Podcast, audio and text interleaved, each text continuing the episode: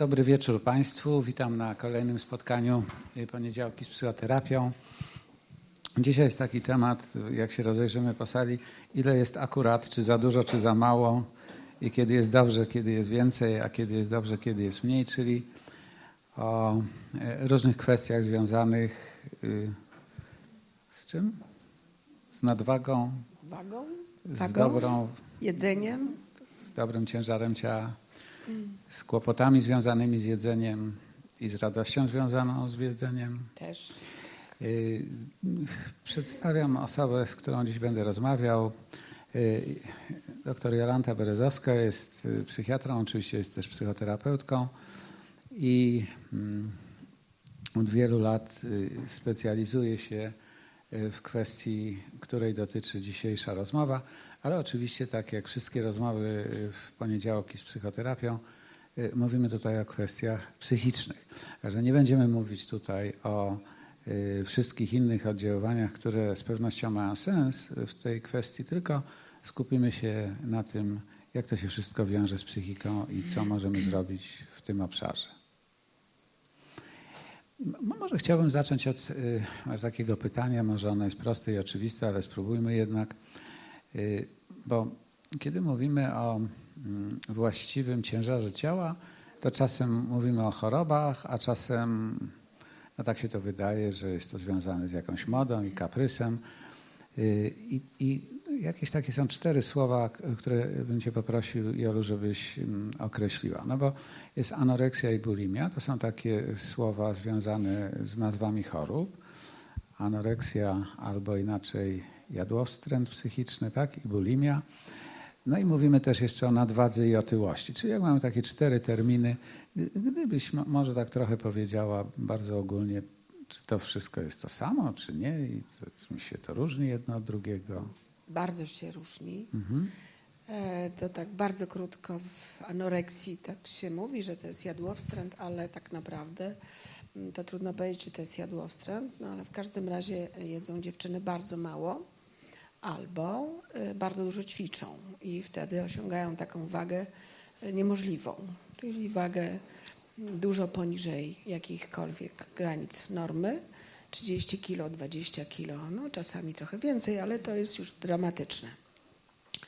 E, No, można też utrzymywać wagę w taki inny specjalny sposób, że się je i zwraca. To jest bulimia i jak wiadomo, to e, na oko nie widać, bo waga jest taka przeciętna, natomiast no, Czyli nie, nie widać, że osoba jest nie jakoś widać. grubsza czy chudsza. Nic nie niż- takiego się nie dzieje, no bo to służy temu, żeby zachować tą wagę tak zwaną w sam raz. No ale to co to znaczy sam raz? Tak naprawdę mm, oczywiście jest taki bardzo podstawowy wskaźnik w sam raz. To jest wskaźnik Mass Body Index, czyli to się liczy, dla, dla wieku też jest bardzo różnie, bo dla dzieci to jest też troszkę inaczej, ale dla dorosłych, a tutaj większość chyba tutaj wiesz więcej dorosłych niż dzieci, e, więc ten Pe- Pełnoletnich, tu ktoś pełnoletnich, tak.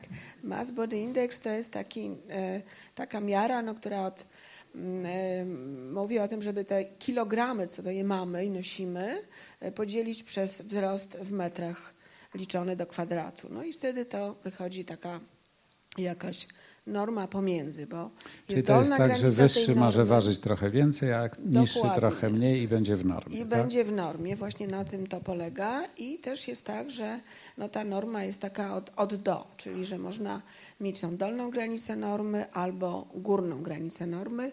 Dzięki temu, no zależnie od tego, czy mamy e, no, powiedzmy tą budowę kościstą, taką grubszą czy drobniejszą, to też ta waga może być różna i okej.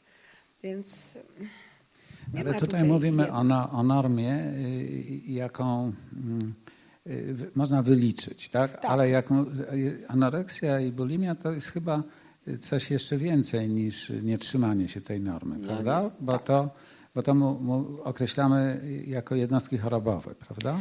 No tak, dlatego że to jest też taka już bardzo, bardzo, znaczy w ogóle w naszych czasach e, bardzo dużą uwagę, większość zwraca uwagę na, na wygląd. To jest taki ważny obszar, jak wyglądamy, czy mamy jakieś normy, normowagę. To się strasznie dużo o tym mówi, a osoby, które chorują na e, bulimię czy e, anoreksję, to są osoby, które zwracają na to uwagę bardzo. Znaczy jeszcze to bardziej jest niż inni, podstawowe tak? kryterium, czy mam tą wagę, czy nie, czy wyglądam, czy nie wyglądam, no i jakieś części ciała, czy wyglądają.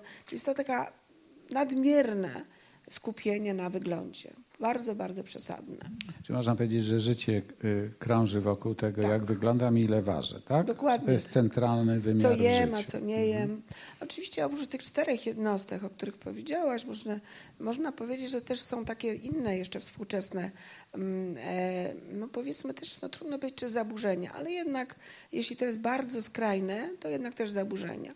To są takie sytuacje, w których ktoś no, bez przerwy gada o jedzeniu i bez przerwy gada o wadze i od, bez przerwy no, jakby skupia się, albo to jest weganizm, wegetarianizm. No niby to norma, ale z drugiej strony, jeżeli to zajmuje bardzo duży obszar uwagi, to tak jak w anoreksji czy bulimii jest tego za dużo. Bo to też chodzi o taką proporcję tego, ile czasu poświęcamy na co. No dobrze, ale jeszcze przez chwilę chciałbym mm, o tych dwóch jednostkach chorobowych, które no, jednak dość popularne, są dość częste. Czy to są groźne choroby? E, No, zwłaszcza anoreksja w jednej czwartej przypadków bywa śmiertelna, więc jest bardzo groźną chorobą. Mm, Czyli to jest rozpoznanie, jakim należy się przejmować po prostu. Należy się tak? bardzo przejmować i no, mm, jeśli się tylko zauważy, że są, jest taka tendencja, to e, z badań wynika, że im szybciej się leczy daną osobę, im szybciej rezygnuje z tego restrykcyjnego niejedzenia, tym łatwiej i szybciej wraca do zdrowia, bo potem to już jest taki też powtarzający się nawyk, sposób życia, sposób bycia i, no i zaczyna się takie, takie błędne koło No, no, no dobrze, no to anoreksja, to już wiemy, że to jest niebezpieczne, że dobrze, żeby to zacząć y, jak najszybciej leczyć. No a z tą bulimią, no co, co to jest za problem zdrowotny? No, przy dłuższym zwracaniu, że już nie powiem brzydko, prowokowaniu po prostu wymiotów, tak? prowokowaniu wymiotów, e, no niestety, ale dochodzi do powikłań, również czasami groźnych bardzo dla zdrowia, e, nawet śmiertelnych. Natomiast z takich nieśmiertelnych powikłań, no to jednak e, niszczy się szkliwo, wypadają zęby, są zaburzenia elektrolitowe. To nie są obojętne choroby, to jest choroba obojętna. Chociaż z drugiej strony no, miewałam pacjentki, które przychodziły po 15 latach, 20 latach I jeszcze miały zęby. i jeszcze miały zęby. Mhm. No tak, ale lepiej, żeby wcześniej. Jak. Lepiej, żeby wcześniej. A zdarza się tak, że to jest i jedno, i drugie, i anoreksja, i bulimia? No, zdarza się. Zdarza się, że jedno przechodzi w drugie. e, Czy tak faluje? że trochę, tak faluje, że jest albo, albo zmienia się jedna choroba na drugą, zanim się dojdzie do, do normalności, do takiego zdrowego stylu bycia. A mamy jakiś, y, mo, mo- może coś o tym powiedzieć, jakiś wzorzec, jak to jest, że osoba, która sobie jakoś żyje, bo rozumiem, że to nie są takie choroby, które się y, od urodzenia pojawiają albo jakoś bardzo, bardzo wcześnie, no jakoś y, żyje sobie, jest, y, no, cieszy się jedzeniem, czasem coś lubi, czasem nie lubi, no potem nagle się okazuje, że ona ma anoreksję. Jak to się dzieje w ogóle? O co tu chodzi? No, nagle to się nie okazuje, Aha, bo po, powoli, tak? żeby trochę schudnąć, to większość osób, które chociaż raz były na diecie, to wie, że to wcale nie jest takie łatwe, ani takie szybkie, więc trochę to trwa. Ale no, żeby tak poważnie zachorować, no trzeba, znaczy jakby środowisko i osoba spełnia wiele różnych kryteriów. To Znaczy też środowisko, to nie, nie, nie jest tylko kwestia tej jednej osoby, ale też środowiska. Jak mówisz środowisko, znaczy co? Rodzina, tak? Rodzina. Czy... No, Okej, oczywiście. środowisko rodzinne, Rodzina, tak? e, też środowisko szkolne, bo Mhm. czasami jest taka fala, że jest kilka dziewczynek, które się odchudzają i niektóre z nich tracą, e, no jakby tracą kontrolę. Mhm. Ja pamiętam ze swojego, że tak powiem, dojrzewania, że też jak się wszystkie odchudzały, to ja też się odchudzałam, tylko że po trzech tygodniach też mam że to jest głupie, nudne i że w ogóle nie chcę.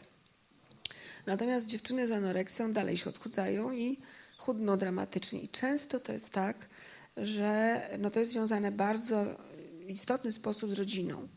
Dlatego, że y, no, na przykład objaw zaczął zwracać uwagę, no i rodzice zaczynają karmić, zaczynają coś na ten temat mówić, coś się zmienia w tej rodzinie. E, No i ten objaw sam jest podtrzymany przez taką akcję, no nasze dziecko, y, no na przykład się kłó- kłócą mniej, no bo dziecko jest chore, to się nie kłócą. I dochodzi do takich zmian, które nie są tylko zmianami w tej nastolatce, ale w całej rodzinie. Czyli można powiedzieć jakoś, że cała rodzina uczestniczy w tej chorobie, Dokładnie tak. tak? Ale to nie jest tak, że to przychodzi, nie wiem, z ojca na córkę, czy z matki na córkę, czy E, To- to, to- co predysponuje do anoreksji, to na przykład nadwaga u rodziców. Czyli jak rodzice mają nadwagę, To, to, dziecko może mieć albo właśnie za niską wagę, albo za wysoką. Znaczy jakby dwie strony. Te choroby obie są równie groźne. Tak samo groźna jak anoreksja jest nadwaga.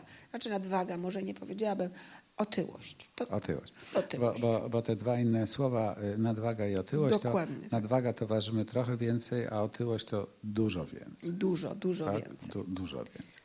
Dużo że, więcej. że teraz jak oboje rodzice mają jakiś kłopot i na przykład dużo, dużo więcej ważą, to dziecko ma większe szanse, tak? Dokładnie. Okej. A to częściej się zdarza w takich rodzinach, gdzie jest dużo dzieci, czy gdzie jest jedno dziecko? Mówimy o anoreksji na przykład. Wiemy Nie coś? ma na ten temat. Nie ma, tak? Znaczy to się.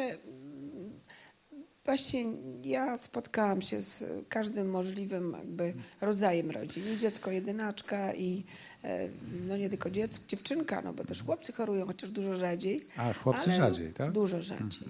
No, przynajmniej jak na razie. Znaczy jest nadzieja na Jest równouprawnienie. nadzieja na równouprawnienie, jak we wszystkim. No dobrze, Wiesz ale ja, to ja, teraz... ja wiesz co, no, czy bo pewnie jest znane, ale te, ten współczynnik BMI, on jest taki mniej więcej od 19 do 25 jest taką normą. Czyli poniżej 19 zaczyna się pewne wychudzenie, ale no, anoreksja to już jest 15, to już jest du, dużo poniżej.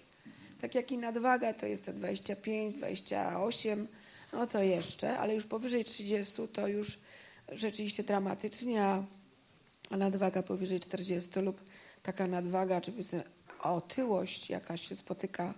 e, No w Polsce to jeszcze nie na szczęście, ale w Ameryce 300-400 kilo, no to, to jest dramat.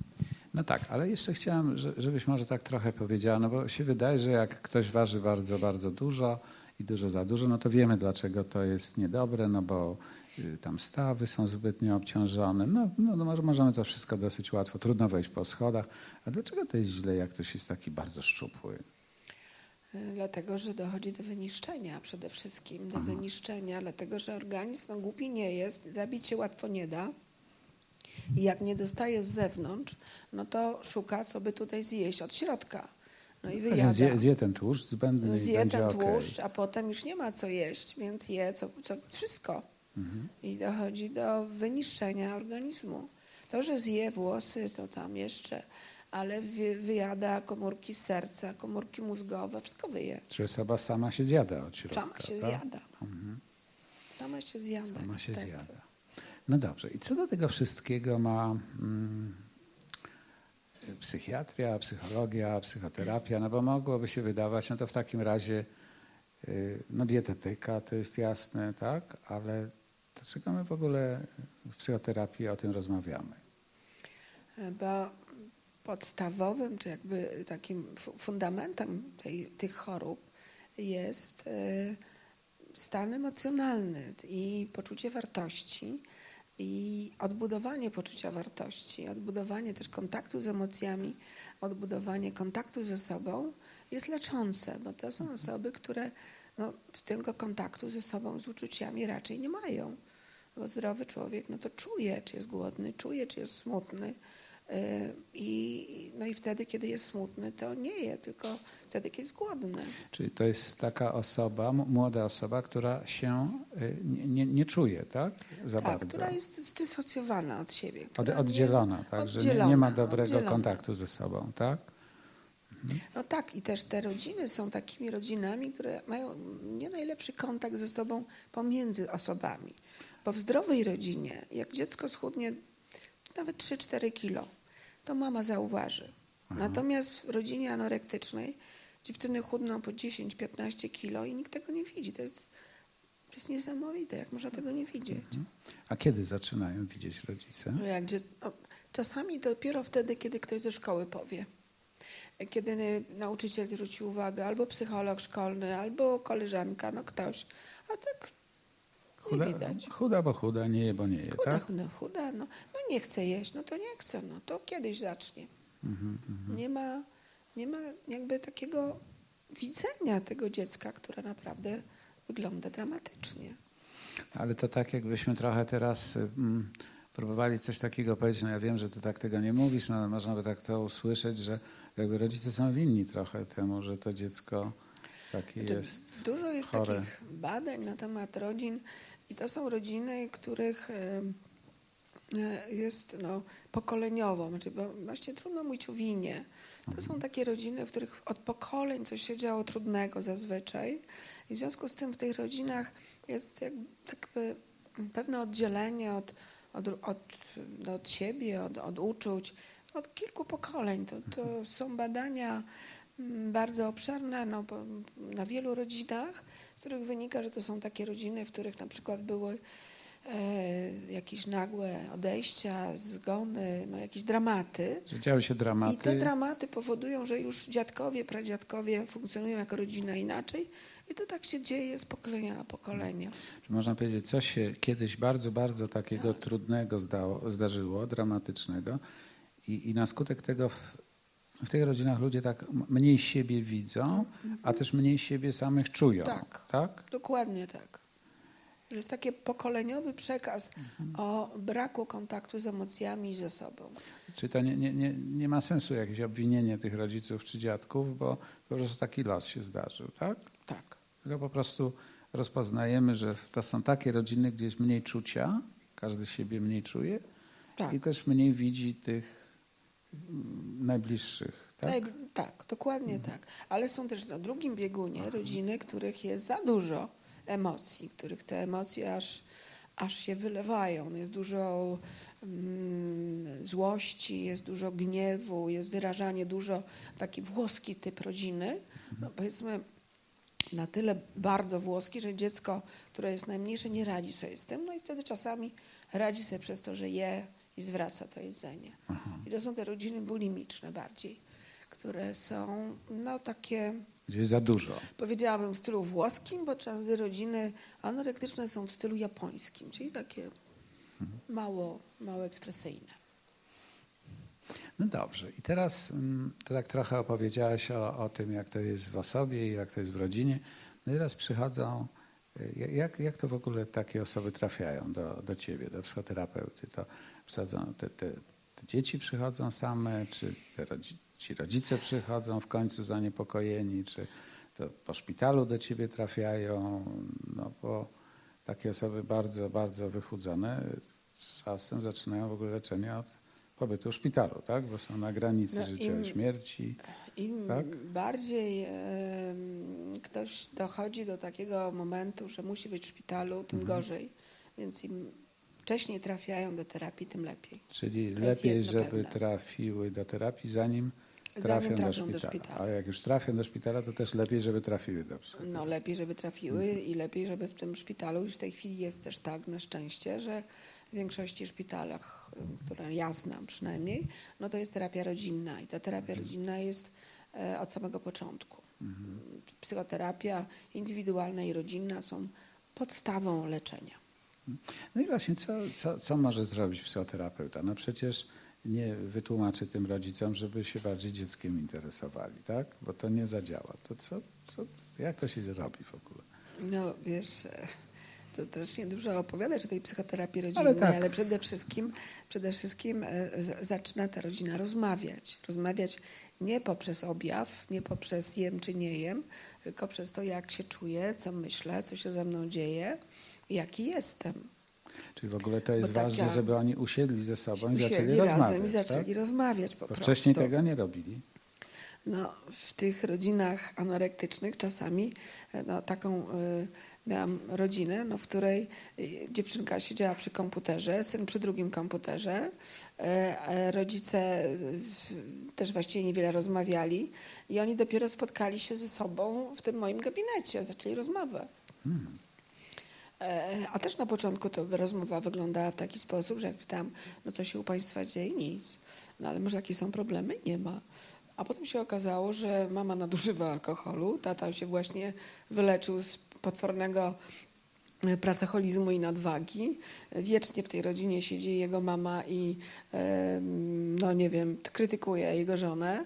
Mm, Tam się działo bardzo dużo, ale oni tym w ogóle nie rozmawiali? Wcale. I No dobrze, no i rozmawiać za, zaczynają rozmawiać. I to, to już wystarczy? No nie wystarczy.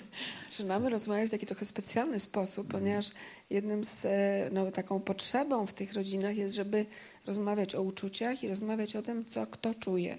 Nie, że tylko ja wiem jak, tylko że ja sobie fantazuję na przykład, jak ty się tutaj czujesz, no i mówię, że może tak i tak, a ty mi na to odpowiada, że ja się też zgadza albo nie. I zaczyna się jakaś relacja. Relacja polegająca na tym, że no, my siebie nawzajem poznajemy. Można na przykład e, usiąść razem w jednym miejscu ze sobą i wszyscy próbują wiedzieć, e, no, tak jakbyśmy wszyscy siedli za tobą i próbowali się dowiedzieć, jak ty się czujesz tutaj i co myślisz. Jak w tych rodzinach oni jakby nie rozmawiają, albo mało rozmawiają, albo I- mało o, o tym, jak ktoś się czuje. Ale powiedzmy, te rodziny no, nie, nie są zdziwione, no bo właściwie to jest tak, no, nasze dziecko tutaj dramatycznie y, schudło. Ktoś powiedział, że y, to jest choroba i powiedział, że pójść na psychoterapię, a ty zaczynasz ich pytać, co u nich się dzieje w rodzinie. To ja bym się zdziwił.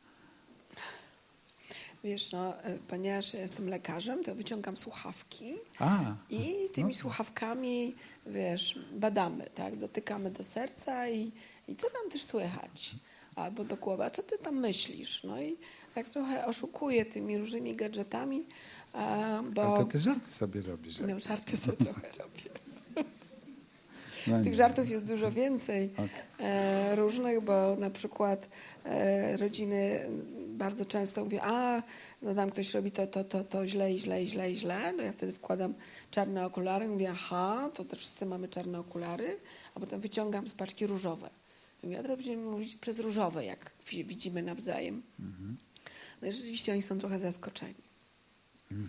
A tymi słuchawkami używanymi do słuchania serca też na pewno. No ale w końcu się jakoś przekonują. Przynajmniej ci, co zostają na terapii. Ci, co zostali. Nie wszyscy chyba. E, znaczy, no jest tak, że zdarza się taka bardzo, bardzo sztywna rodzina y, i wtedy no, ten proces rozpoczynania terapii to trwa trochę dłużej, no bo zanim się jakoś Czyli za, zaczynacie Polubimy. rozmawiać, to przede wszystkim jest różnica.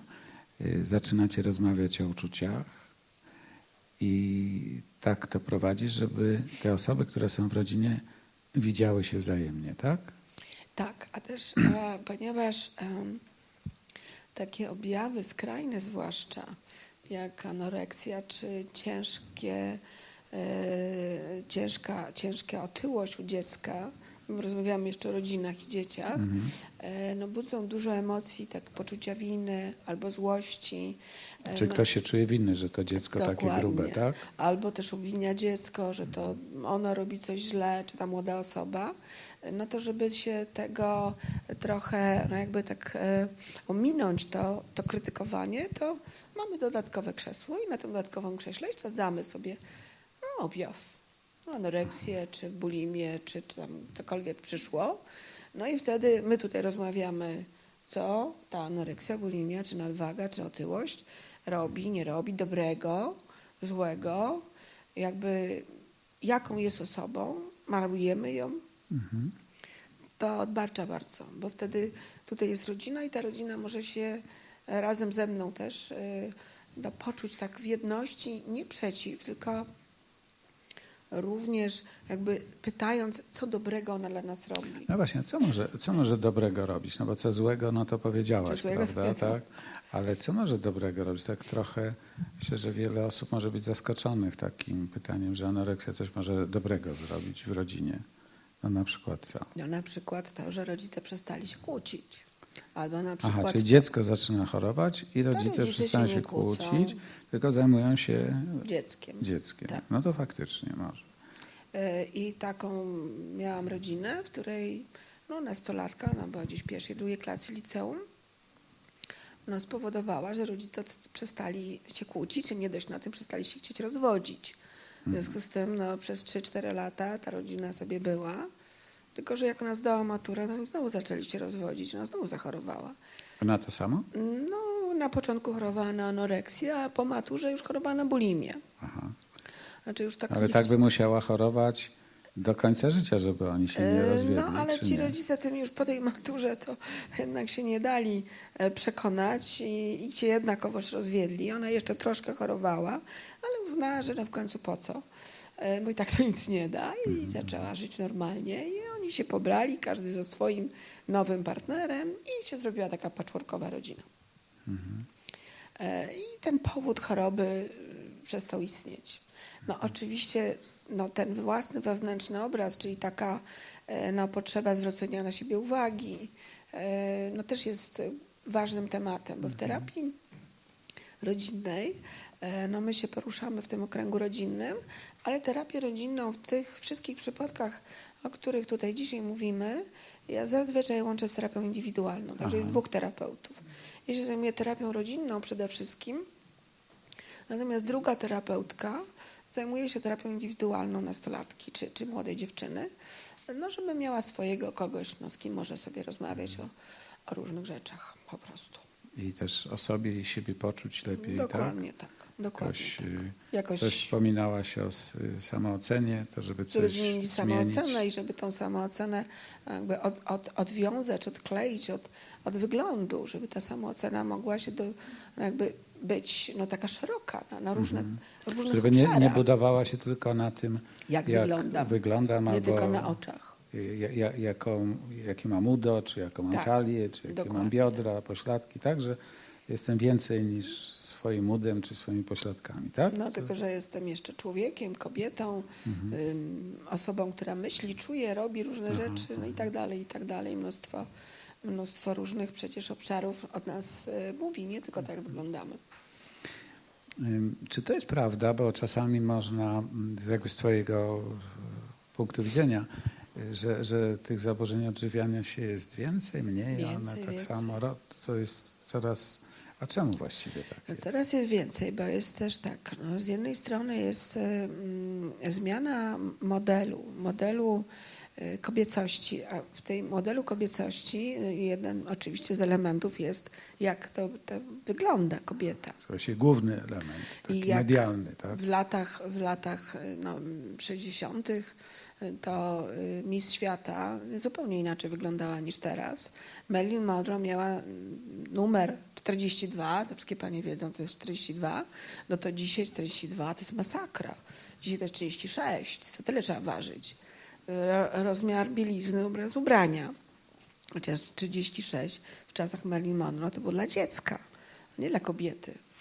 Więc żeby utrzymać taki, e, taki model, no to jak się otworzy czasopismo, to z jednej strony masz no te zrobione 36. w Photoshopie 36, albo rzeczywiście wychudzone 36, ale pod koniec jest krem, ciasteczka, przepisy, plus zdecydowanie mniej e, takich czynności fizycznych. My znacznie mniej tracimy energii na, no, na różne rzeczy domowe, czy sprzątanie, czy robienie, czy chodzenie chociażby. Więc jest e, nadpodaż jedzenia, e, wymaganie idealności, e, bardzo duży przekaz medialny. Teraz już modelki są no już nie aż tak chude jak były, ale po takim ideale mody, jakim e, piękności kobiecej, jakim była Marilyn Monroe, to przyszedł, przyszedł czas Twiggy, tej modelki, pierwszej anorektycznej modelki. Czyli wśród, Bardzo mo- chudej. wśród modelek y, anoreksja jest częstą chorobą, Bardzo często. Tak? Mhm. E, Wśród Czy to tak jakby modelki też y, nie tyle y, promowały jakiś rodzaj ubioru, ale też promowały tę chorobę? no tak, Aha. Y, Więc teraz się, oczywiście są też organizowane pokła- po, takie pokazy mody n- normalnych modelek, albo też modelek trochę bardziej puszystych, żeby z, no, tą tradycję wybiegów dla chudych osób zmienić, bo to było mm, był taki czas, że to było bardzo, bardzo popularne. I Czy można powiedzieć, że przyczyną jest tak szeroko rozumiana zmiana w kulturze, ale też trochę możemy mówić, że jakaś rodzina, jakiś los rodzinny sprzyja y, temu. Y, I jeszcze tylko chciałbym Cię zapytać, jest jakiś taki moment, kiedy jest największe ryzyko, że się w życiu pojawi ta anoreksja, jest jakiś wiek, gdzie to jest to ryzyko większe, czy też bulimia? najczęstszym czasem jest okres dorastania, dojrzewania, no bo to jest taki czas, kiedy z, mm, zaczyna się zwracać uwagę też na to, co na zewnątrz, na, na mm, to, jaki jest model, e, porównuje się z koleżankami. No to jest też taki czas, bo jest to czas ogromnej wrażliwości. Na rówieśników też. Na rówieśników, ale też na jakąś, jakąś uwagę. Takim początkiem może być e, e, na przykład e, ważenie, nie wiem czy teraz to w mojej szkole na przykład było. Pielęgniarka spędzała całą klasę i ważyła jedną po drugiej. Wystarczy taka uwaga, ojej, jaki grubasek i pojechało. Albo koledzy, albo ktoś powie. Czasami jest taki moment, który zaczyna. I Ale to rozumiem, że generalnie w okresie nastoletnim, tak? w okresie nastoletnim. Anoreksja zdarza się też później, ale to jest rzadko. Mhm. No a teraz mm, załóżmy, że jest taka sytuacja, bo jeszcze o to Cię chciałem zapytać, jak ta anoreksja długo trwa, przez wiele lat, szczęśliwie udaje się uniknąć tego najgorszego scenariusza, który dotyka tą jedną czwartą chorujących osób i to się y, samo minie, czy też No. y, wystarczy wyrosnąć z wieku dorastania i jakoś y, o, o, to ryzyko śmierci od siebie odsunąć i potem to mija, czy to, czy to jest jakoś inaczej? To są osoby, które chorują przewlekle i e, nigdy z tego nie wychodzą, tylko zawsze funkcjonują jako osoby bardzo szczupłe. Są osoby, które chorują y, no, jednak z nawrotami, to znaczy mają okresy lepsze i gorsze. Bardzo różny jest przebieg. Często jednym z takich no, przykrych powikłań jest bezpłodność, Mhm. któ- która już jest nie do wyleczenia. Czy może być ten organizm zjadł y, od Zjadł. środka siebie tę część, która... Tak. y, Jajniki mhm. przestają działać po prostu i już nie działają i nie, nie ma wznowy. Y, Ja, ja się spotkałem też w literaturze z taką, ym, ym, chciałem Cię zapytać, czy to się jakoś potwierdza w Twoim doświadczeniu terapeutycznym, z taką ym, też dużą korelacją, że te osoby, które przez tą anoreksję przejdą, to mają też duże ryzyko depresji jako choroby, z którą się jakoś będą borykać przez długie lata. Czy to też tak jest w Twoim doświadczeniu? Mm, Znaczy, jest, moje- doświadczenie jest takie, że mm, no, te dziewczyny, które u mnie były, to moje doświadczenie, to one były na dłuższej czy krótszej, e, czy czasem bardzo długiej terapii i one no, mają zakończyć tę terapię jako osoby zdrowe, więc e, nie ma żadnego powodu, żeby miały potem depresję. No tak, te, które się wyleczyły, no to jest jasne, Tak. tak? Mm, Bo mnie chodzi też o to, czy, czy to możemy tak spojrzeć sobie no w miarę jednak tu optymistycznie na choroba, rozumiem, nastolatek, dziewczynek, no, jakim się uda przeżyć, no i uniknąć bezpłodności, to właściwie z wiekiem przejdzie i wystarczy poczekać. To tak jest, czy nie? No właśnie tak, znaczy, wiesz co, no też bywa tak, że, że coś mija z wiekiem, no, No, po no prostu, tak. bo y, człowiek nabiera rozumu i przestaje myśleć, że się składa tylko z wyglądu, ale anorektyczka typowa nie przestaje tak myśleć i myśli tak długie lata. Mhm, Bo można powiedzieć, że te zmiany, to one nie są tylko na poziomie no, takim metabolizmu, że organizm zaczyna jeść nie to, co trzeba, czyli siebie, ale też one są y, w sposobie myślenia, tak? Przede że, że zmieniają sposób myślenia, sposób postrzegania siebie, świata, siebie w świecie, tak?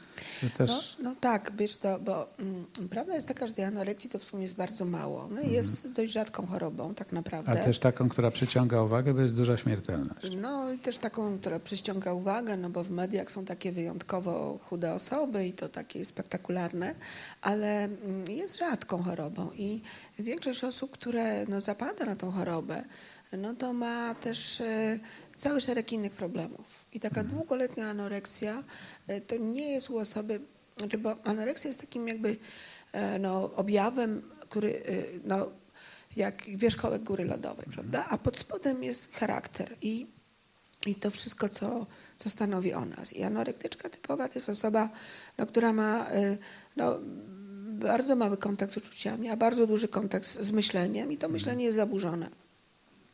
I zmiana tego myślenia jest dosyć trudna.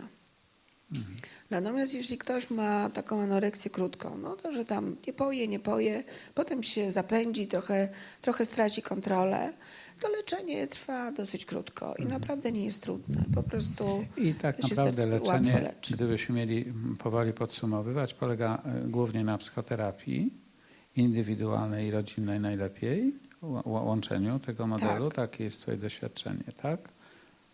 Dokładnie tak.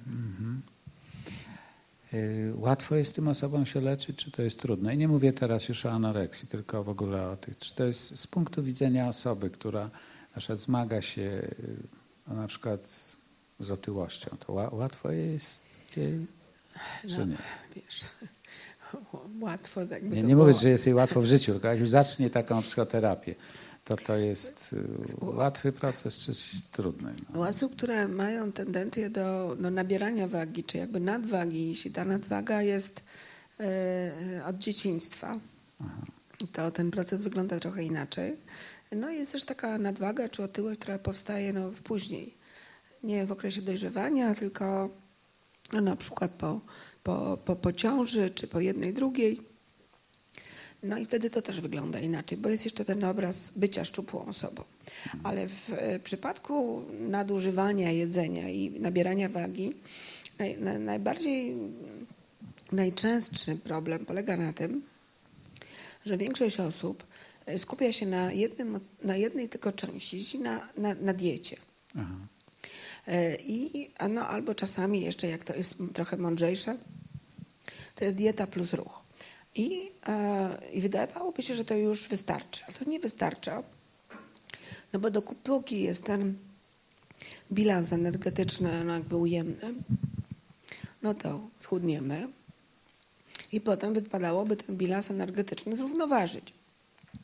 To znaczy jeść tyle samo, ile spalam, no i już. I to się udaje bardzo niewielu osobom.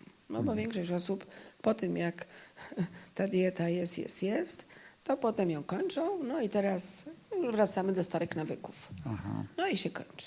I już nie ma. Czyli to y, ty mówisz, że warto dodać do tego trzeci element. Poza tym, ile spalam, ile jem, to jeszcze jak myślę, czuję i jak przeżywam. myślę, czuję, tak? przeżywam i do czego to wszystko, to jedzenie służy. Mhm. Jest taka bardzo y, prosta i e, łatwa do nauczenia się, e, no nawet prawie medytacja związana z jedzeniem, że no, mówimy o kilku rodzajach głodu, że jest taki głód oczu, że widzę jedzenie i tak bym oczami jadł, jadł, jadł, jadł. I był bardzo ciekawy eksperyment. Były talerze i te talerze były jakoś tak skonstruowane, że można je było ciągle wypełniać jedzeniem. I ludzie jedli i jedli i jedli i jedli i nie przestawali jeść, bo była tam ciągle zupa. Czyli nie widzieli Nie, pustego talerza. nie tak? czuli, że, że się najedli. Więc je, jemy bardzo dużo oczami. Mhm. Jemy też wąchając. No, bardzo często to jest, e, no coś zapachnie, mimo że jesteśmy potąd najedzeni, to jeszcze byśmy jedli. E, Też się je no tak trochę przez uszy, dlatego że jak ktoś mówi o jedzeniu e, albo czyta o jedzeniu, ja dzisiaj coś tam czytałam i tam... I, my tu dłużej no to mówimy, tym już- ktoś może być bardziej głodny. tak, to już zaczyna się No jakieś jedzenie, już by się coś zjadło.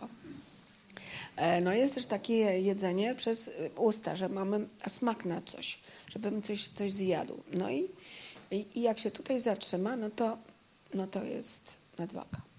Natomiast jeżeli zaczynamy się pytać żołądka, czy on jest pełny, czy pusty i czy on ma ochotę i na co, i zaczynamy pytać ciała, bo to jest takie odczuwanie komórkowe, y, czy jestem, y, na co ja mam ochotę, to małe dzieci mają bardzo często taką umiejętność, że jedzą różne rzeczy, a i same wybierają. Jeśli się tego nie, nie, nie zniszczy przez jakieś normy, zjedz do końca, albo masz jeść to, a nie tamto, to ta naturalna, komórkowa potrzeba jedzenia w nas się przejawia. No i jest jeszcze głód serca, tak zwany, czyli emocjonalny. Więc żeby to łatwo odróżnić, to trzeba być w kontakcie ze sobą. I jak się zrobi taką medytację siedmiopunktową, czy jestem e, głodny, bo widzę, czy jestem głodny, bo żołądek, czy komórki, czy może smutny, no to dużo łatwiej jest zachować tą normowagę po prostu. No tak. tak. No i tego żaden dietetyk nie nauczy. No nie ma cudów. To je- jeszcze Cię zapytam o jedną rzecz i później y, porozmawiamy z Państwem. Mam nadzieję, że też Państwo będziecie mieć pytania. Bo z tego, co tu powiedziałeś, przy, tej, mm, przy zmaganiu się z nadwagą, a zwłaszcza z otyłością, y, to większe szanse mają te osoby, które jako dzieci no, jakoś y, mają wspomnienie do, dobrego kontaktu z ciałem, do, do, do, dobrego ciężaru ciała, a te, które no, były od dziecka przekarmione, tuczone, y, mają gorzej. A właśnie dlaczego tak się dzieje, że rodzice czy dziadkowie tak tuczą swoje dzieci? Bo to tak można powiedzieć, że to jest dość y, już wiedza taka powszechna, że, że no, to nie jest takie zdrowe, a mimo to wbrew jakby temu rozumowi, ja- jaki to jest mechanizm, że rodzice tak y, utuczą dzieciaka? Czy czemu to tak się dzieje? Wiesz, no, myślę, że teraz już jest e, trochę lepiej niż było, Mhm. bo im, duży, im dalej od wojny, tym lepiej. Im dalej od głodu, tym lepiej. Bo najwięcej przekazów takich z pokolenia na pokolenie, czyli transgeneracyjnych, no płynie z czasu głodu e, albo z czasu niedostatku. Jeżeli dziadek z babcią nie dojadali, albo tak jak moi rodzice, którzy no, żyli w czasie wojny, nie dojadali e, i ich rodzice też w czasie wojny nie dojadali, mój, ojciec- mój dziadek był w obozie, to ten przekaz, że jedzenie jest takie ważne i żeby zjeść i, I że żeby się nie go nie być, zmarnowało tak? I że i że go może nie być, jest bardzo ważny. Moja babcia miała takie urocze, urocze powiedzenie, zjedz teraz, bo potem będziesz głodna. No przecież to bez, bez sensu totalnie. No ale to było. Że Bo trzeba to były jej zjeść. doświadczenia. Nie, nie, że jesteś głodny, to zjedz, tylko zjedz teraz, żebyś potem nie był głodny. I to jest właśnie doświadczenie z czasu głodu. Mhm. Czyli wte, wtedy to y, może y, takie działania uratowały życie dziadkom czy rodzicom, że się mogli trochę najeść na zapas, ale, ale dzisiaj y, to właśnie to rujnują. Czy to No tak? dzisiaj rujnują, ale to, to też nie jest wszystko, bo Mhm. my jako gatunek też żyliśmy w czasach, no nie jest tylko przekaz taki, tylko przekaz rodzinny. To jest również przekaz e, no, taki biologiczny. Dlaczego y, tłuste i słodkie jest najbardziej pożądane? No bo najwięcej daje energii. No bo kiedyś tak było, że jednak y, no, jedzenia było mniej znacznie niż teraz. No przynajmniej w tym kręgu cywilizacyjnym, ja nie mówię o Afryce. W związku z tym jedzenie na zapas miało swój sens. Y, I mózg wysyła takie sygnały, żeby jeść słodkie i, i tłuste. Mhm. Czyli można powiedzieć, że to jest jakieś dalekie wspomnienie czasów niedostatku, Tak. czy takiej srogiej zimy, która no, jednak w Europie, czy na tej szerokości geograficznej, no nie, nie, nie można było wtedy coś, czegoś świeżego spod śniegu wykopać, było to dość trudne, więc trzeba się trochę y, No. tych... A teraz jest inaczej, mamy jakby kulturę y, nie tyle Nadmiaru. niedostatku, a nadmiaru, tak? I że ten nadmiar też y, skutkuje w tym, że ktoś po prostu jest przejedzony, przeżarty ponad wszelką miarę i sam siebie zażre, tak? No tak, wiesz, no, największe chyba y, y, szkody przynosi zajadanie emocji, zajadanie z smutku, ze złości, Czyli to z ten głód nudów, serca, tak? To Taki ten ból serca. Głód serca. Taki brak kontaktu i Mhm. zajadanie no, wszystkiego. Jest coś dla Ciebie, to już będzie ostatnie pytanie, bo miało być ostatnie, jest coś dla Ciebie w tej pracy z tą grupą pacjentów y, ciekawego? Ciekawego, no wiesz, Mhm. jest bardzo, bardzo to przyjemne, jak e, dziewczyny czy kobiety zaczynają być zdrowe, takie fajne, bo, bo to są zazwyczaj osoby, które mają bardzo duży potencjał, który gdzieś tam się chowa pod tym zaburzeniem, takim czy innym, każdym, każdym możliwym z tych różnych zaburzeń odżywiania. No i potem, wiesz, fajne dziewczyny, które jak- mają szeroki świat, wiele rzeczy umieją, potrafią i wiesz, mają mnóstwo zasobów, które no niepotrzebnie pakują w to Jak, jak, jadło. jak, jak wychyną spoza jedzenia. No tak? właśnie. Się wynu- wynurzą spoza sterty jedzenia albo spoza sterty głodu. Dokładnie tak. głodu. No dobrze. To ja, ja myślę, że może teraz jest y, czas, żebyście też Państwo tutaj y, zapytali albo jeszcze jakoś się do tego wszystkiego odnieśli. Jest chwila, jak ktoś z Państwa ma ochotę zapytać, to bardzo proszę. Mamy dodatkowy mikrofon na sali, czy któryś z tych dwóch? Dobrze, no to tam y, poproszę może Kasię czy Jaśka, że jak się ktoś zgłosi, to żeby ten mikrofon.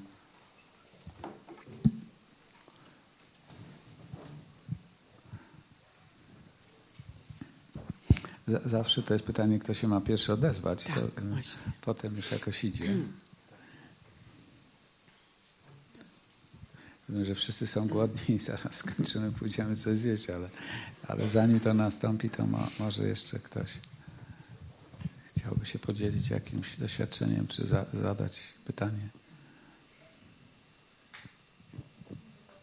Tak, tak. Tu jest, y, jakbyśmy mogli poprosić mikrofon tu mm, przy drzwiach. E, Ja chciałam zapytać, jak sobie radzić z takimi sytuacjami, jak powiedzmy, wszyscy dookoła się odchudzają, wszyscy dookoła mają manię na bycie super fit i jak po prostu nie zwariować razem z nimi?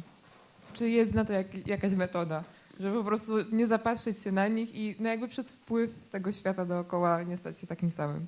No, świat rzeczywiście teraz e, strasznie dużo mówi o jedzeniu, to prawda. I to jest z jednej strony bardzo dobry przejaw, bo to znaczy, że e, trochę, że nie mamy o czym gadać. To znaczy, że, że nie musimy rozmawiać o nieszczęściach i wojnach, tylko że możemy sobie rozmawiać o jedzeniu i że to jest przyjemne, bo jedzenie jest w ogóle przyjemne. E, ale no Francuzi strasznie dużo gadają o jedzeniu, e, a jednocześnie nie, nie szaleją. I w większości są szczupli i, i dobrze zbudowani, a nie popadają w choroby, dlatego że tam się dużo mówi o jedzeniu, ale w taki przyjemny sposób, że jedzenie jest przyjemnością, a nie, że jedzenie jest udręką, bo wiele osób, które mówi o jedzeniu i o tym ciągłym odchudzaniu, to raczej mówi o takiej udręce, że to czegoś nie wolno albo wolno. A tak naprawdę to wszystko wolno jeść. I to wszystko, bardzo dużo jest mitów dookoła jedzenia.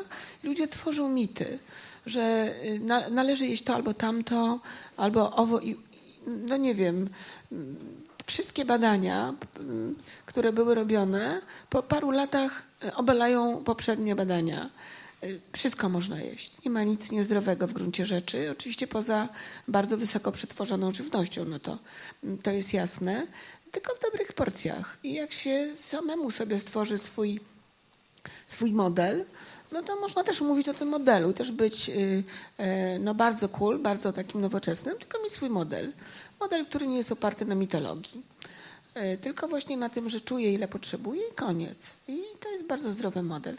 Jak biegamy po górach i jesteśmy strasznie zmęczeni, spoceni, to najlepszą rzeczą, którą można zrobić, to zjeść dużo słodkiego, a nie mówić, że słodkie zabija.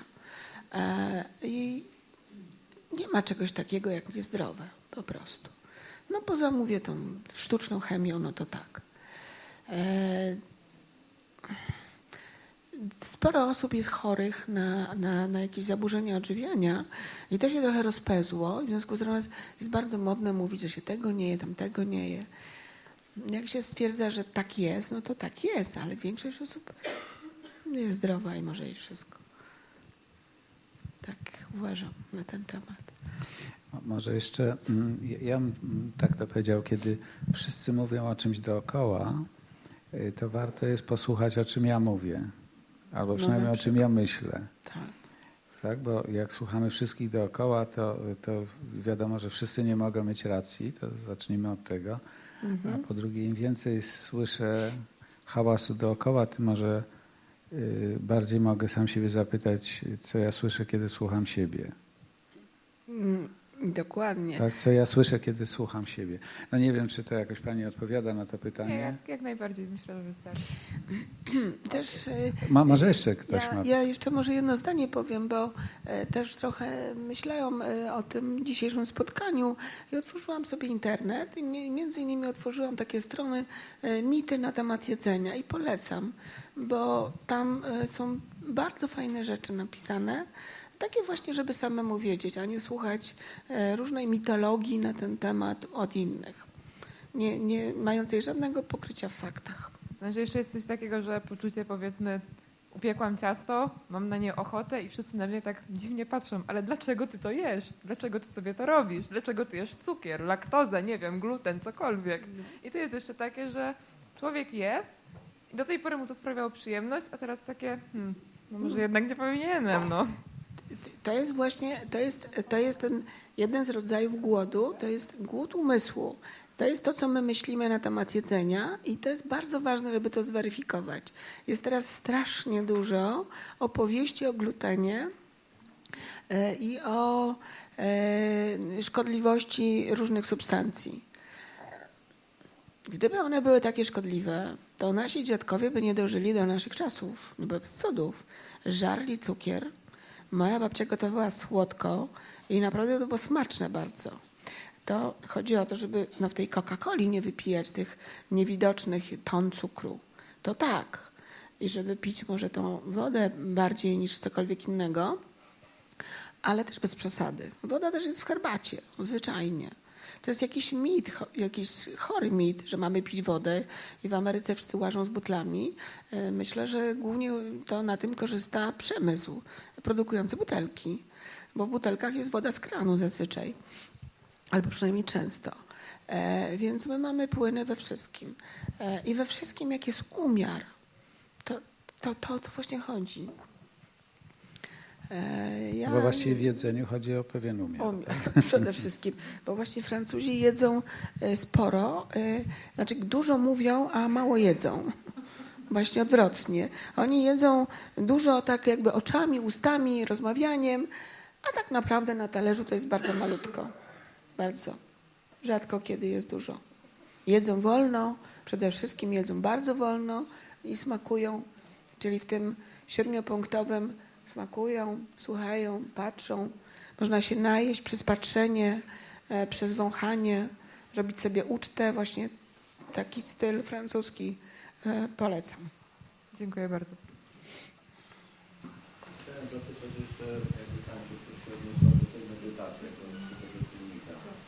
To chodzi tutaj o zablokowanie, o wyparcie myślenia, taka rozmowa z żołądkiem, jak czasowo to co wygląda. No nie no, py- pytamy się, możemy się, możemy się tych wszystkich miejsc, których powiedziałam, e, zapytać. E, no, na, na przykład, e, no ja tutaj mam wodę, więc mogę zapytać, czy, czy moje oczy chcą tą wodę pić i jak, jakie one są głodne tej wody. Mm, No niespecjalnie. To można powiedzieć zero. Ale jak zapytam moje usta e, i gardło, to one mówią, nam jest sucho i my chcemy się napić, no to jest 5-6 na pewno, więc piję. Mogę jeszcze zapytać, e, czy co ja myślę o tej wodzie, albo co ja słyszałam o tej wodzie e, i czy ta moje przekonania na temat myślenia mówią, że wodę należy pić. Mogę się zapytać swojego ciała, czy jest głodne wody, żeby wiedzieć to, czy ja jestem spragniona i na ile. No i czy ten żołądek jest głodny jedzenia, czy wody, czy płynu, czy czego. To nie jest bardzo długo, ale to jest taki czas, że no jakby taki pytań, hmm, no jestem głodny, czy jestem może spragniony, a może śpiący? Co mi jest? Czego ja chcę? Czego ja potrzebuję? Bo bardzo często zaczyna się jeść, bo leży na talerzu i wtedy nie ma pytań, tylko już pojechało. Bardzo szybko. Tak, świadome bycie ze sobą i świadome bycie z tym, co, no, co jemy. A e, powiem taki zabawny przykład, bo jakiś czas temu mówiło się, że jajka są niezdrowe i że nie wolno ich jeść w ogóle. Że to w ogóle dramat, cholesterol i koniec. To, e, to jest zupełnie obalone, to jest mit, to jest nieprawda. Wolno jeść jajka. Ale jak y, pierwszy raz przeczytałam o tym, że nareszcie wolno jeść jajka, to jadłam jajka przez miesiąc po cztery dziennie. No bo po prostu tak mi strasznie smakowały. No i w pewnym momencie sobie uświadomiłam, że chyba trochę przesadzam i że to myślenie powoduje, więc zapytałam myślenia myślenie powiedział, tak, jest jajka, one są bardzo zdrowe. Ale zapytałam swojego organizmu, który no nie, no usta powiedziały, słuchaj, zresztą jajka po cztery dziennie już starczy, już nie jest tyle. I, i, I, to są te pytania, tak? Bo my czasami jemy no, z różnych powodów. Jeżeli jest tak, że jesteśmy bardzo smutni, a jesteśmy nauczeni przed babcię, że nas pociesza jedzenie, no to czasami można też sobie powiedzieć, ok, no to ja sobie zjem tych kilka cukierków czy ciasto, bo po prostu jest mi smutno. Jeżeli nie mam żadnej możliwości, żeby się z kimś spotkać, pogadać, to też tak można. To, to nie jest dramat. Tylko żeby być w kontakcie ze sobą i ze swoimi potrzebami. To, to jest właśnie ta medytacja. W tych różnych miejscach być ze sobą w kontakcie. Hmm? Chciałam zapytać, jaki typ rodziny sprzyja o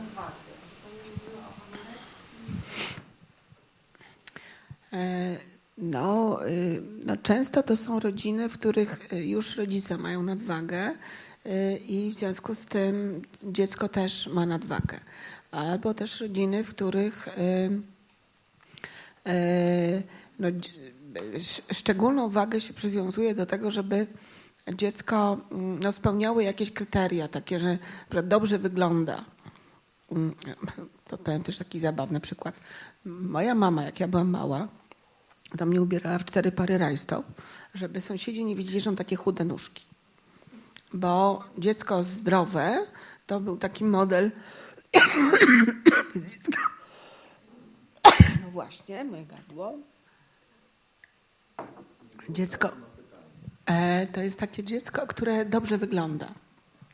Jeśli taki model jest w rodzinie, że, że, że należy zjadać do końca, albo że jedzenie się marnuje, E, to też to sprzyja temu, żeby nie czuć, nie, nie czuć ile mogę, ile chcę, ile potrzebuję.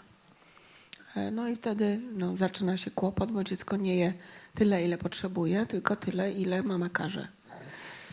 No, e, czyli im, im bardziej rodzice są niepewni swojego rodzicielstwa, niepewni mm, swoich umiejętności rodzicielskich, tym bardziej obraz tego, jak to dziecko wygląda i, i światu się prezentuje, świadczy o nich.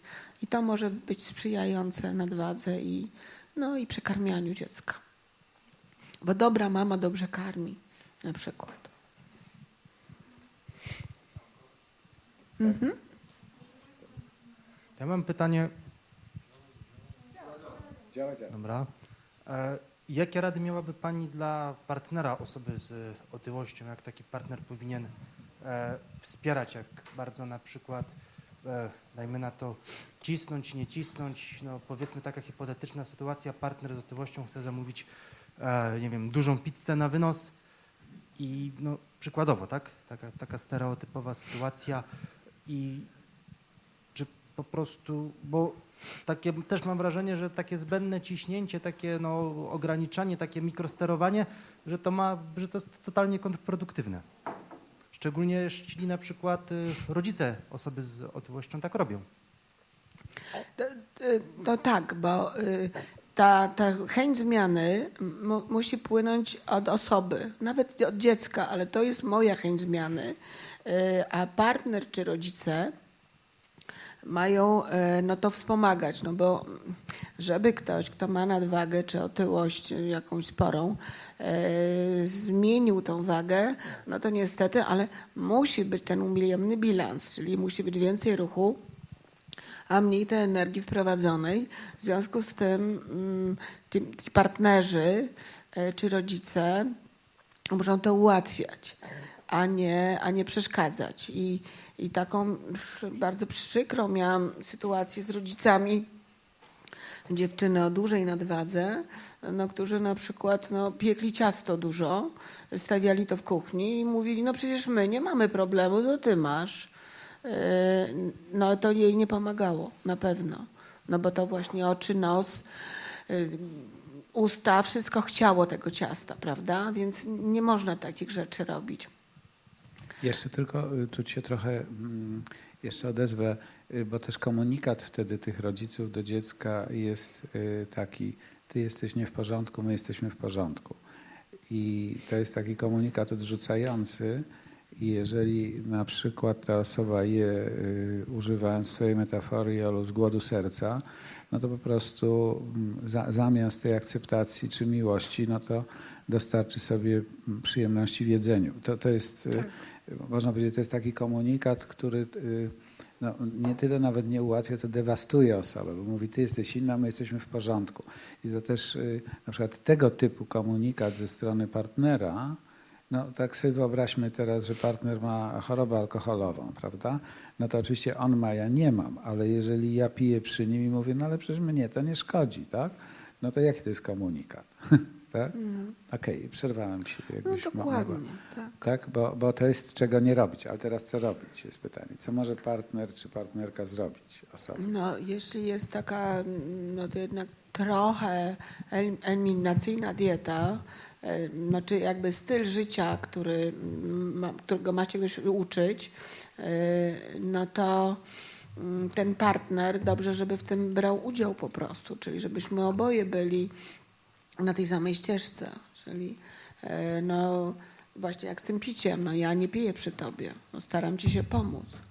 Tak, ale też rozmawiam o Twoich potrzebach, e, też e, jeśli to jedzenie, no bo można robić takie całe wykresy, do czego to jedzenie jest. Czy część to są nawyki, no, no na przykład takie, że nie wiem, zawsze jemy w pociągu e, e, jajka na twardo. No, to są takie nawyki, takie różne Takie składanki, rosyjskie. prawda? E, ale są też takie no, powody, dla których się je emocjonalne i, i partner może tutaj bardzo wiele e, zrobić, no bo może przytulić, kiedy trzeba przytulić, e, rozweselić, jak jest smutno, albo wysłuchać, jak jest smutno, żeby ta osoba, która jakoś sobie pocieszała się jedzeniem, no nie musiała tego robić za pomocą jedzenia. Mm, A jak na przykład reagować w sytuacji, kiedy podejrzewa się partnera zachowania kompensacyjne w bulimii? No, oczywiście tak jest, że są dwa rodzaje bulimii. Jest bulimia jawna, no to jest właśnie taka, że partner no, no, dokładnie wie, no bo ktoś, no, słychać, widać, czuć i w ogóle się dzieje. Natomiast bulimia ukryta to rzeczywiście może trwać latami. E, I osoba będzie no, zaparte, że skąd, że nieprawda, że w ogóle w życiu, no że co ty. E, I wtedy niewiele można zrobić, bo to jest tak, ja mam swoją przyjaciółkę bulimię, no i kocham ją i się z nią nie rozstanę, nie ma o czym rozmawiać. Znaczy, powie, załóżmy, że jest jawna, ale no nie do końca pod kontrolą. W sensie. No, bo bulimia w ogóle nie jest pod kontrolą. To jest jak przyjaciółka, która przyłazi kiedy chce, wychodzi kiedy chce i, i co można z tym zrobić. Mm, To w ogóle nie jest pod kontrolą. E, W, w jakim sensie oczywiście, no bo partner, e, to co jest jakby podstawą bulimii, to jest brak akceptacji siebie i poczucia własnej wartości. Więc im bardziej ktoś e, przekona swojego partnera czy partnerkę o tym, że jest osobą ważną i kochaną, tym większe szanse, że przyjaciółka bulimia nie będzie musiała przyjeżdżać. Ale też ja bym powiedział jeszcze tak, że y, jeśli przypuszczamy, że osoba nam bardzo bliska choruje, to robimy co potrafimy, żeby ją przekonać, żeby zaczęła się leczyć. Y, Bo to, jak się podejmie leczenie, to mija szybciej. Jak się nie podejmie, to mija Wiele lat. wiele lat albo wcale. Więc to jak z każdą inną chorobą, gdzie osoba nam bliska choruje, to to, co powinniśmy zrobić, to przekonać ją tak, jak tylko potrafimy, żeby zaczęła to leczyć. Możemy z nią pójść, zapytać też tego terapeutę w tym przypadku na przykład, czy jest sens, żebyśmy przychodzili w dwójkę do pani, albo przynajmniej co jakiś czas, ale przede wszystkim kibicujemy y, leczeniu, dlatego że często te osoby same sobie stawiają nierealne cele, że sobie same z tym poradzą. To się zdarza, ale bardzo rzadko, a znacznie częściej, jak specjalista w tym pomoże. I, i tu mm, bulimia nie jest wyjątkiem. Y, No tak jest przy wszystkich zmaganiach y, tego y, charakteru, o jakim tu mówimy na spotkaniach z przeterapią. Że to partner ma bardzo dużo do zrobienia, żeby przekonać, wesprzeć osobę, żeby podjęła leczenie. I to odnosi się do zaburzeń odżywiania, ale też do wszystkiego, czym my się tu zajmujemy y, jako psychoterapeuci. I tutaj można powiedzieć, że to jest właśnie taki banał, o którym ja mówię, ale często y, właśnie ro- rodziny tak tego nie widzą y, i wy- wydaje się, że taka oczywistość, że jeśli moja y, druga połowa, moja żona czy mój mąż będzie zdrowszy, to dla mnie, dla nas będzie lepiej, dla naszej rodziny, bo to jest taka oczywistość, nie jest taka prosta. Jest, zawsze jest jakaś druga strona czy trzecia strona medalu, więc ja chciałem ten aspekt podkreślić. Wszystko jedno, czy ktoś będzie miał zaburzenia odżywiania się, czy będzie miał depresję, czy będzie miał rodzaj uzależnienia, le- lękowe zaburzenia, czy z innych kręgów, długiej listy, to partner powinien kibicować leczeniu.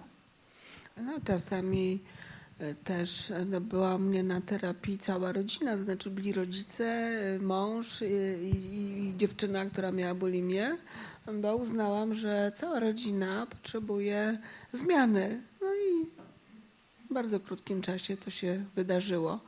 Bulimia się leczy naj, najłatwiej ze wszystkich dla mnie e, zaburzeń, dlatego że no 3-6 miesięcy i to 3 miesiące i już. Bardzo łatwo. Najłatwiej. Jest normowaga. e, No wystarczy przestać żygać. Po prostu. No, czy trochę trzeba tutaj pracę włożyć, ale to jest najprostsze. Najprostsze do leczenia. Jak już ktoś przyjdzie i wie, że chce, to Ale generalnie choroby łatwiej się leczy, jak się ją zacznie leczyć. Tak. No i jak się chce ją leczyć, no bo tak. Najtrudniej jest, jak się nie chce. Jak to rodzina przywlecze kogoś, a ten ktoś mówi, że nie chce i nie ma problemu, no to, to nic nie można zrobić, naprawdę. No.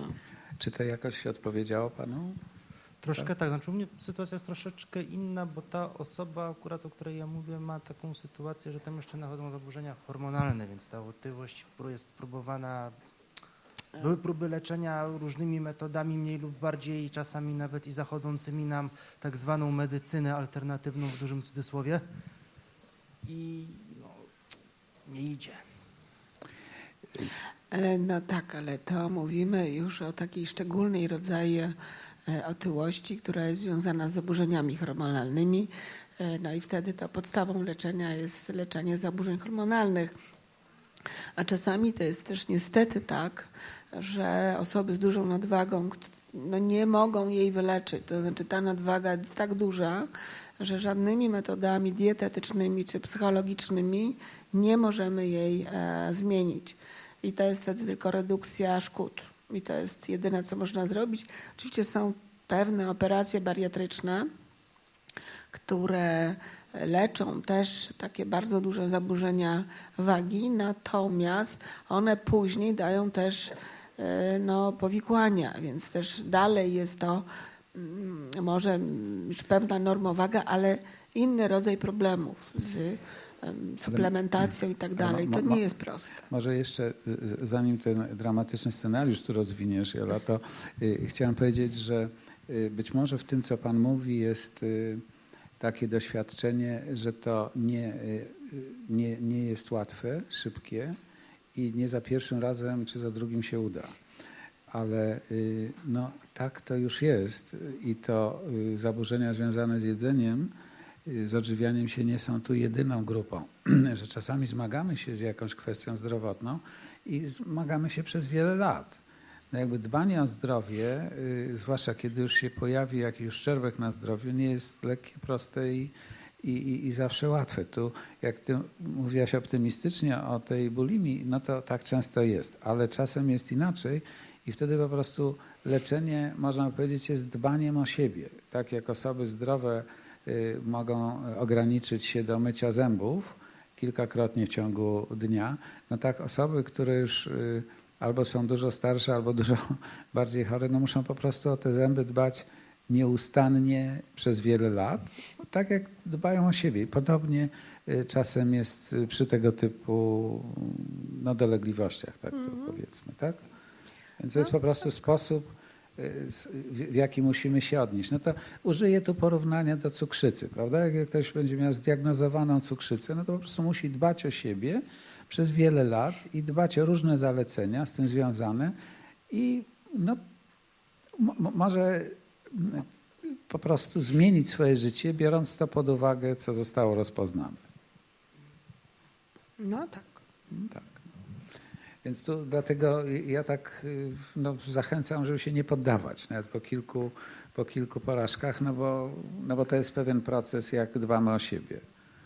No tak, ale też przy takiej nadwadze czy otyłości, której e, no, nie można zmienić, można też zmienić styl życia. I prowadziłam przez e, no, dłuższy czas grupy dla osób z dużą nadwagą i e, no, może dziewczyny nie traciły za bardzo wagi, ale za to rozkwitały, chodziły na basen i żyły normalnie, ubierały się pięknie. I nie, nie chowały się Nie chowały się, e, e, żyły po prostu inaczej. I to była ogromna zmiana, bo to były e, często osoby, które no, albo miały możliwość operacji, na którą się nie decydowały, albo no, trwały, bo miały zaburzenia e, różne hormonalne i musiały z tym żyć. Natomiast żyły zupełnie inaczej. Także w nasz różne opowieści, ale to tych anegdot za dużo, żeby opowiadać. No, ma- Mamy jeszcze y, tu czas na jedno, najwyżej dwa pytania. Jeżeli się one, tak, bo pan ma, możemy przekazać mikrofon tu na środek sali. Mnie zastanawia geneza takich ruchów wspierających anoreksję, proana czy coś w tym e, rodzaju. To jest, nie wiem, jak bardzo to jawnie działa, ale w każdym razie e, jego mm, zadaniem jest wspierać te dziewczyny, czy w ogóle osoby chore w anoreksji, że to nie jest choroba, że to jest coś pozytywnego, jakiś styl życia. E, I właśnie się zastanawiam, skąd pomysł, że coś takiego wyniszczającego, coś takiego strasznego może być właśnie popularyzowane. No, różne rzeczy są polaryzowane niestety i e, dziewczyny z anoreksją same tworzą e, sieć wsparcia. E, I, i na przykład błędem jest Wsparcia choroby, a nie wsparcia wsparcia. się w chorobie. I tak jak dziewczyny, które mają nadwagę czy bulimię, jak się leczy je w grupie, to wspierają się ku zdrowiu. I, I to jest bardzo dobry model terapii grupowej. E, To dziewczyny z anoreksją nie powinny być w jednej grupie, bo one się wspierają ku chorobie i rywalizują, no, która jest bardziej chora, E, bo rzeczywiście anoreksję postrzegają jako, jako coś, co je wyróżnia i co tworzy no, jakby piękną postać z nich, a przecież jest chorobą. Więc jest to bardzo zaburzone myślenie. I w internecie rzeczywiście jest taka, taka sieć e, wspierająca anorektyczki. No to prawda. No ale no, tak jest po prostu. Dużo jest różnych em, złych modeli życia. No, to jest jeden z nich. Bardzo od- autodestrukcyjny. One nie postrzegają tego jako czegoś osobnego od siebie, że ja, ja mam chorobę i to jest na zewnątrz mnie, tylko jako ja mam to w środku, ja jestem tym i bardzo trudno się przez to no, przedostać do, do czegokolwiek innego. I, no i tyle. Dziękuję. Tak, i to mamy jeszcze pytanie tutaj. Prosimy też o mikrofon, bo żeby wszyscy słyszeli. Mm, To jeszcze mam pytanie do, dotyczące pracy terapeutycznej. Chodzi mi, nie wiem, czy Pani ma takie doświadczenie, chodzi mi o pracę w szpitalach, gdzie pewnie dla takich osób są oddziały zamknięte najczęściej. E, Ja osobiście nie mam takich doświadczeń w sensie pracy terapeutycznej, e, ale słyszałam, że e, tacy terapeuci, personel medyczny są odbierani jako osoby, jako oprawcy, jako osoby, które zabierają wolność, e, które, że to jest bardzo niewdzięczna praca tak naprawdę i ona nie tyle jest terapeutyczną pracą, ile jakąś walką z tymi osobami. E, Nie jest pomocą, ale odbieraniem wolności. Właśnie tak, tak jest to postrzegane przez te e, chorujące dziewczyny. I mam takie pytanie, no właśnie, jak sobie z czymś takim radzić jako terapeuta? jak to przetrwać, bo myślę sobie, że można się bardzo szybko wypalić w takiej pracy na takim oddziale. Pani, no ja nie pracuję na oddziale, pracuję z indywidualnymi e, Ale rodzinami. Pracowałam w oddziale mm, rzeczywiście, natomiast część tych programów, zwłaszcza dla anorektyczek i bulimiczek, e, jest oparta na takim modelu behawioralnym e, i no jest trochę rep- represyjna, bo e, te osoby, zwłaszcza anorektyczki, są zagrożone utratą życia. W związku z tym e, no jest taki wybór.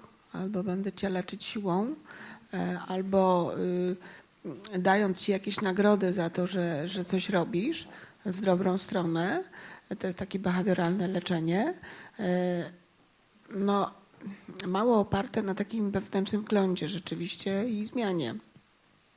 Ale osoby, które są bardzo wychudzone, e, w zasadzie nie podlegają terapii, dlatego że poniżej tego 15 mm, stopnia BMI, tego mm, wskaźnika, e, tak dalece są wyniszczone, że przede wszystkim trzeba je odżywić. Że przede wszystkim muszą jakby nabrać życia, żeby było z kim rozmawiać. Czyli najpierw trzeba je uratować od śmierci, Dokładnie. a dopiero potem prowadzić psychoterapię. A potem jest dopiero terapia.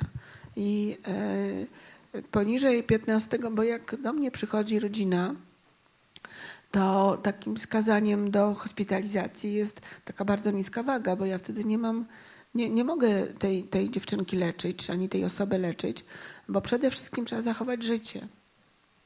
I jak ta waga trochę wzrośnie e, i to życie już nie jest zagrożone, to my wtedy możemy rozmawiać. No bo psychoterapia to jest rozmowa. Przede wszystkim to jest rozmowa. E, A tak to nie ma z kim rozmawiać, bo to, to się umiera. To z kim tu rozmawiać?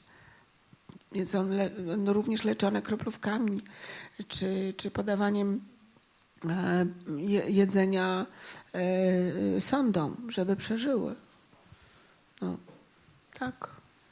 Więc tu mo- można powiedzieć, że mo- model ogólny, i- jaki w tej chwili jest, no, jest taki, że jeżeli to spada poniżej pewnej wagi, to nie, nie dyskutujemy, tak? no bo jest zagrożenie życia. Dopiero wtedy, kiedy y, to zagrożenie bezpośrednie życia mija, no to możemy mówić o tym, co zrobić, żeby nie było następny raz, co zrobić, żeby to było jak najdłużej, no i co zrobić, żeby to było trwałe. I wtedy, wtedy y, jeszcze terapia ma sens. I ona no, w tym modelu właśnie łączenie rodzinnej i indywidualnej, no, w zależności od tam różnych dodatkowych wskaźników, te proporcje się bardziej w jedną lub w drugą stronę przechylają, ale kiedy walczy y, pacjent o życie, no to y, z tym nie dyskutujemy. To jest związane z takim y, no jednak bardzo mm, fundamentalnym paradygmatem, jaki obowiązuje w medycynie, że życie jest wartością i że przede wszystkim o nie walczymy i że nie odpuszczamy tej, tej walki y, i tego nie dyskutujemy. Tak? I to, to nie podlega dyskusji. Y, Oczywiście wiecie Państwo, że są y, w tej chwili też no bardzo rozważane kwestie związane z eutanazją i z, z drugą stroną, ale to nie jest ten temat. Y, I tu, tu na, takim, na takim bazowym, fundamentalnym założeniu medycyny, że, że życie jest wartością, y, ten model jest oparty. E, Poza tym no, anoreksji nie rozpoznajemy tylko wtedy, kiedy chodzi o niską wagę, ale również o zaburzone myślenie i, i jakby postrzeganie siebie. Osoby z anoreksją, które ważą 20-30 kilo, nie postrzegają siebie jako chude, postrzegają siebie jako grube. W związku z tym, jeżeli ktoś próbuje je karmić, to postrzegają to jako opresyjne, a nie jako ratujące im życie. W związku z tym e, no, nie można się dogadać, bo tu nie ma o czym gadać. One to widzą inaczej, a osoby leczące widzą to zupełnie inaczej. Kłopot jest wtedy, kiedy one mają 18 lat e, i mogą się wypisać ze szpitala. No i wtedy jest problem. Co robić? E, Ja miałam taką sytuację z pacjentką, która się wypisała ze szpitala i ona już ani nie jadła, ani nie piła, e, bo w jakimś momencie rzeczywiście ten organizm przestaje chcieć jeść, pić. I była u mnie raz z matką e, i potem nie przyszła drugi raz. I matka pytała, no co ona ma robić. No w tym akurat przypadku się zdarzył cud nieomal, bo Ja zagrałam w bank i powiedziałam tej mamie, a mama była to taką późną mamą e, i już samotnie wychowującą po śmierci męża i powiedziałam jej, to niech pani też nie jej nie pije. To było w lecie, było gorąco. No i ta córka widziała, że ta matka, bo na sobie ona nie widziała. Natomiast tą matkę widziała, że ona traci siły, traci, no jakby, e, e, e, no, nie, nie pije, nie je. Chciał ją zmusić do jedzenia, to powiedziała, że nie będzie jadła i nie będzie piła, dopóki ta też nie je. E, Trwało to trzy dni, ta matka do mnie dzwoniła, ja ją mówiłam trzymać, trzymać, nie dawać się i ta dziewczyna zaczęła pić a potem zaczęła jeść. I to był taki właśnie cud. No, bardzo taka dramatyczna interwencja, o bardzo opresyjna. No bo matka powiedziała, jak ty umrzesz, to ja też umrę. No i ona powiedziała, nie, no nie, no mamo, ty masz żyć. No to mówi, to ty też żyj. No i przeżyły obie. To był taki cudowny przypadek. Tak, ale też mnie to skłania do takiego myślenia, że faktycznie to, praca z osobami z tymi zaburzeniami odżywiania musi być bardzo, bardzo trudna, bardzo obciążająca, jeżeli to dochodzi do takich przypadków właśnie, tak? Tak, tak to jest. To, są, to jest tak tyle rzadkie na szczęście, że, że anoreksja jest naprawdę nie tak częstą chorobą. Nadwaga jest, tak jak się mówi, że anoreksji może jest 1%, to nadwagi jest 50, a u panów 60, a, a, a dłużej, dużego, dłużej, dłuż, dłużej takiej e, nadwagi no jest kilka procent. Także to rośnie, ale w drugą stronę. Raczej tyjemy niż chudniemy. To zanim zakończymy, to też y, zaproszę Państwa na kwietniowe spotkanie. Y, Kwietniowe spotkanie będzie na temat y, taki szeroki, co to jest rodzina, a zwłaszcza w kontekście rodziców adopcyjnych i rodziców biologicznych. Jak się tworzy więź między dzieckiem a matką, matką a dzieckiem, między rodzicami a dziećmi.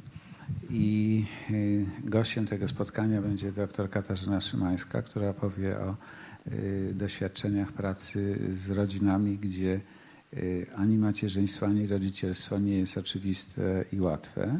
I co psychoterapeuci mogą w tej kwestii zrobić.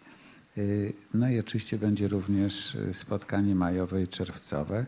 Także zapraszamy y, tutaj w poniedziałki, na poniedziałki z psychoterapią. I bardzo Ci, Jolu, dziękuję. I mm, mam nadzieję, że część Państwa wyniesie stąd trochę optymizmu, a pozostała część trochę realizmu. Dziękuję bardzo.